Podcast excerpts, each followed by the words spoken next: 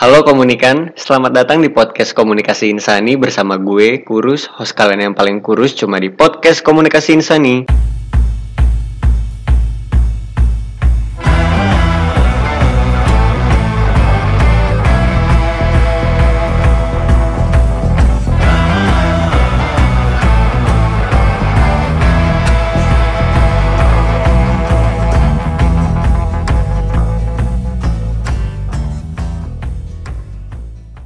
Akhirnya setelah beberapa lama kemarin nih hampir sekitar seminggu gue mencoba untuk memperbaiki kualitas audio podcast gue ini dengan cara beli-beli kabel, beli-beli splitter, mixer.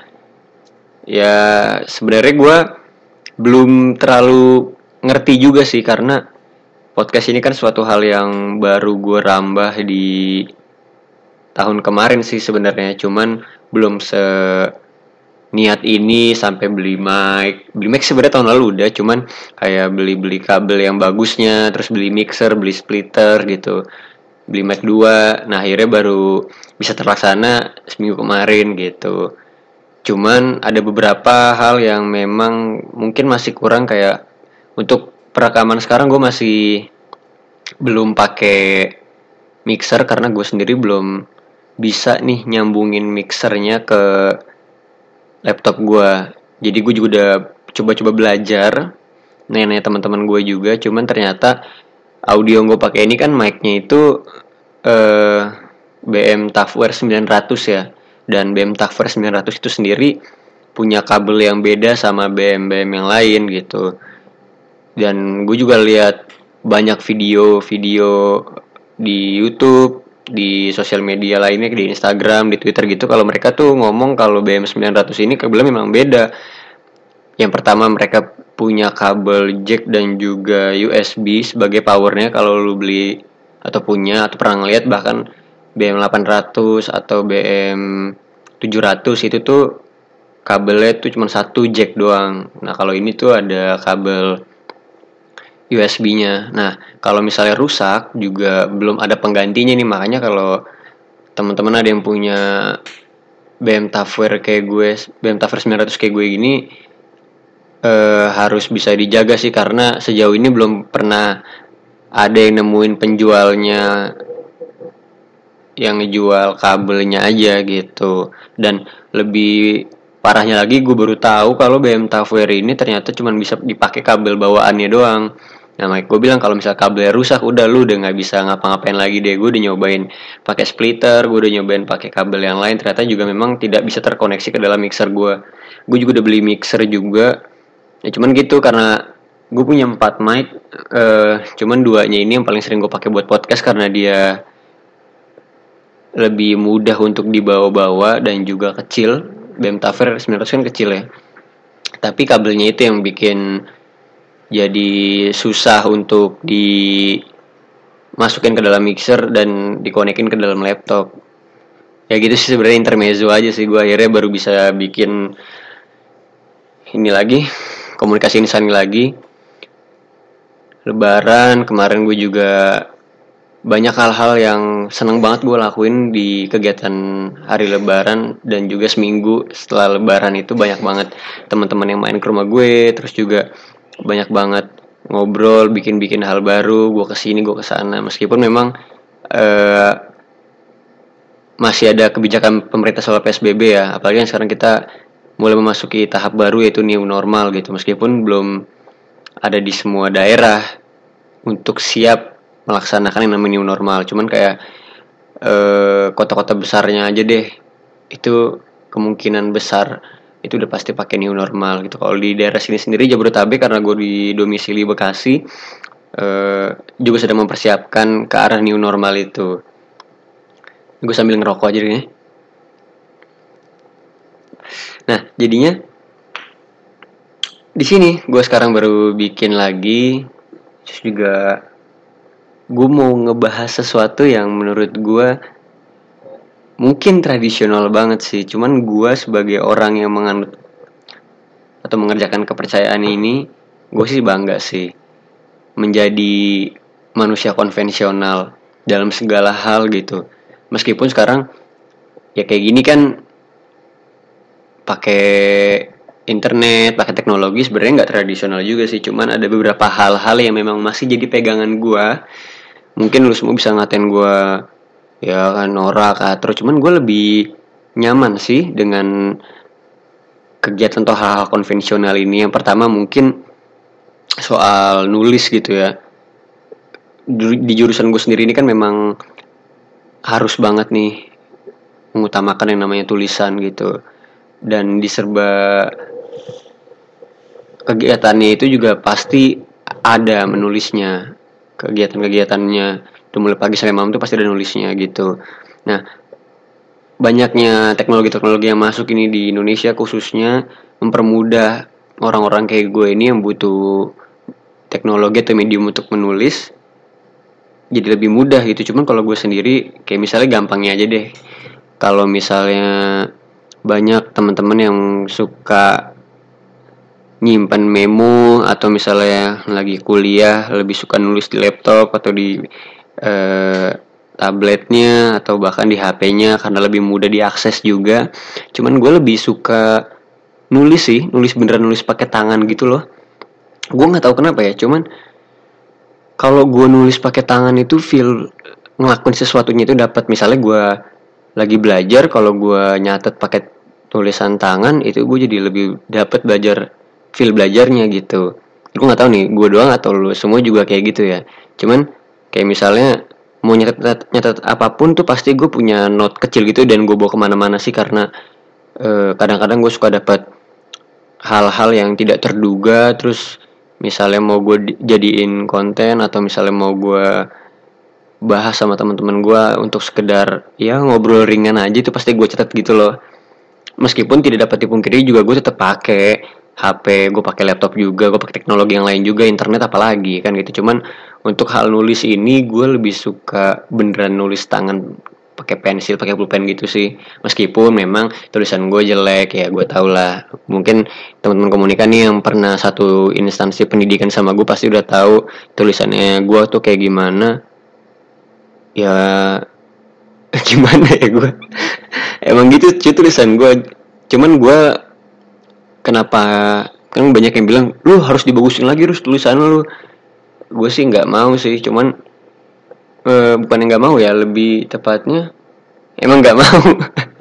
Soalnya gue kalau misalnya lagi wawancara nih narasumber terus gue karena gue lebih suka nulis tangan nyatet poin-poinnya atau misalnya rapat nyatet poin-poinnya ketika orang ngomong kan nggak bisa didikte kayak kita dulu di SD atau di SMP gitu loh. Kayak aku mau pergi nggak bisa begitu. Jadi langsung apa yang mereka omongin gue cerna dulu dan gue catat poin-poinnya. Menurut gue jadi ngelatih gue juga sih supaya bisa nangkap intisari-intisari yang ada di obrolan atau topik tertentu gitu.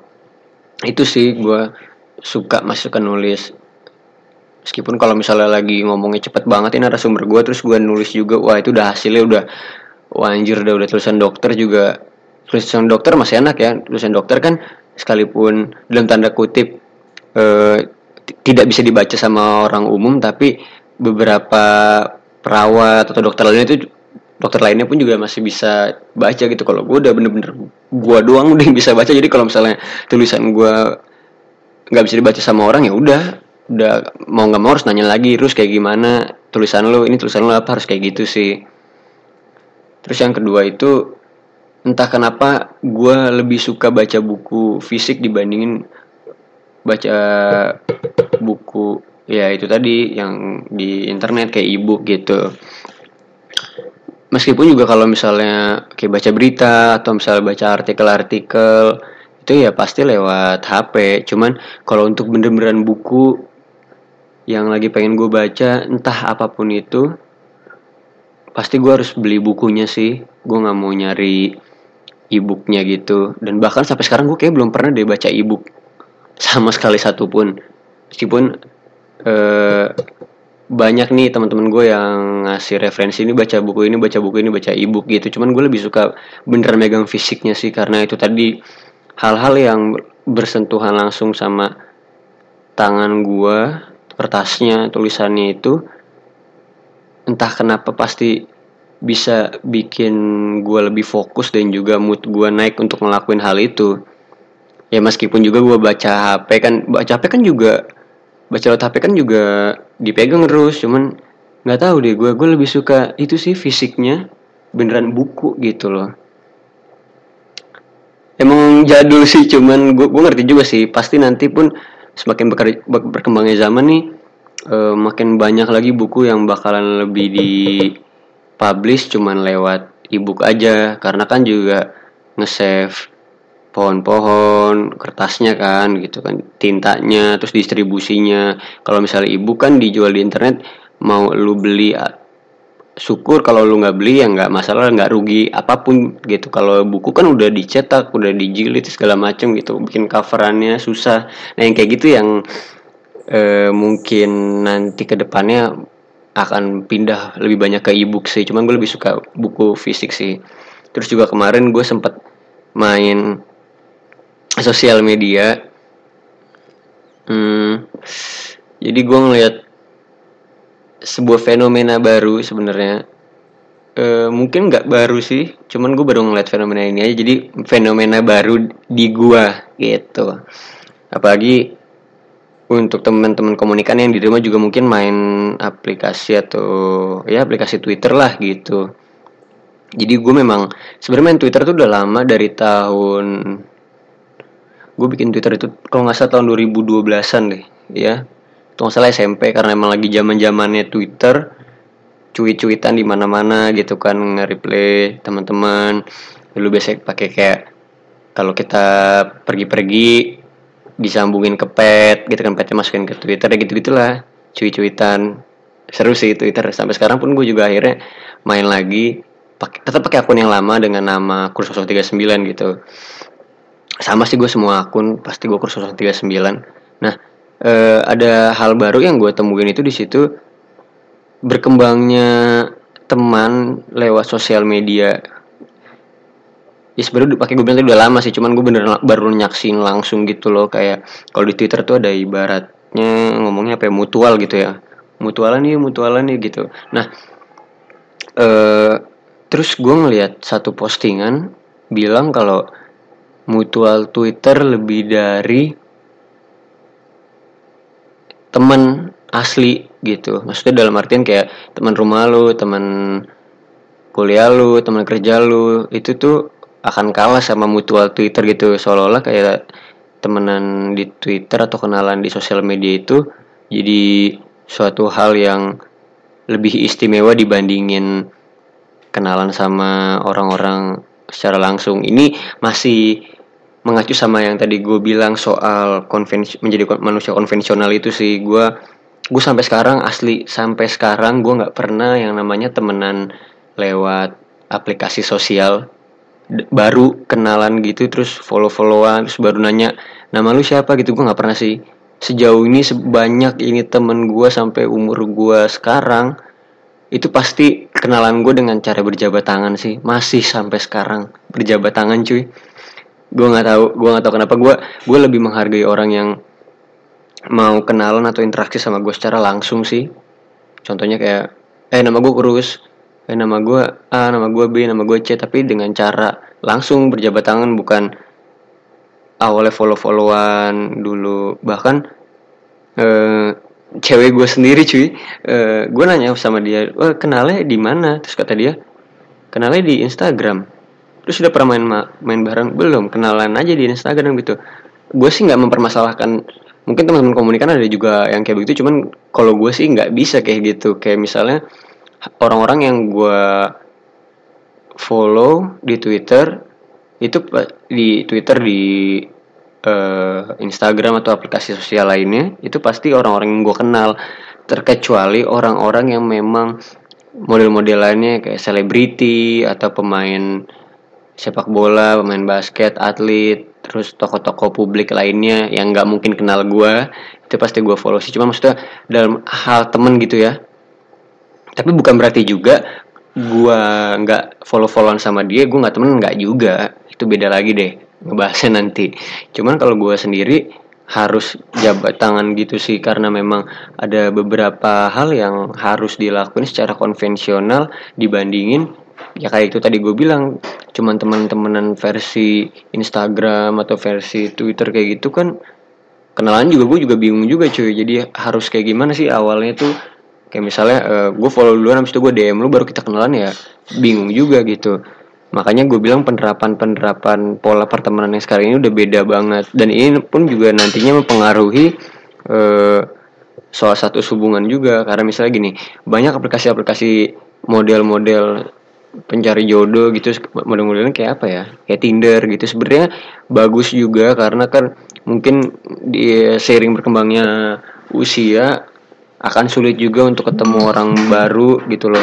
Jadi memang bener-bener harus lewat aplikasi atau sosial media lainnya gitu. Cuman kalau untuk sampai sekarang sih gue harus ketemu dulu sih balik lagi kayak gitu. Harus jabat tangan dulu kenalan dulu basa basi tebar pesona tebar pesoni kan gitu.